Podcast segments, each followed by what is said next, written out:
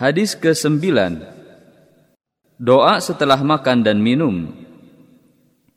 عن ابي ايوب الانصاري رضي الله عنه قال كان رسول الله صلى الله عليه وسلم اذا اكل أو شرب قال الحمد لله الذي اطعم وسقى وسوغه وجعل له مخرجا Dari Abu Ayyub Al-Ansari ia berkata, Jika Rasulullah selesai makan atau minum, beliau mengucapkan, Segala puji bagi Allah yang telah memberi makan dan minum, serta melancarkannya, juga menciptakan saluran keluarnya.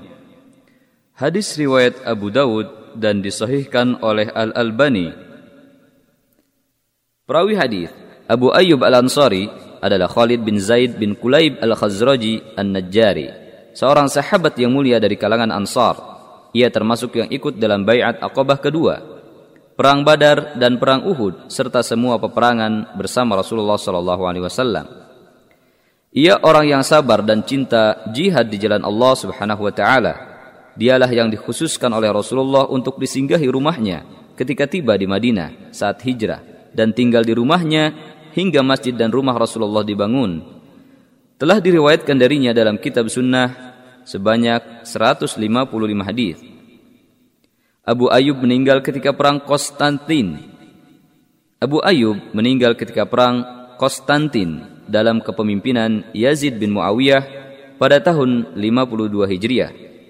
Dan ada pula yang mengatakan selain itu, Yazid mensolatkannya dan dimakamkan di dasar benteng Konstantin. Beberapa faedah hadis ini adalah sesungguhnya rezeki yang baik termasuk nikmat Allah Subhanahu wa taala. Hendaknya seorang muslim memuji Allah atasnya.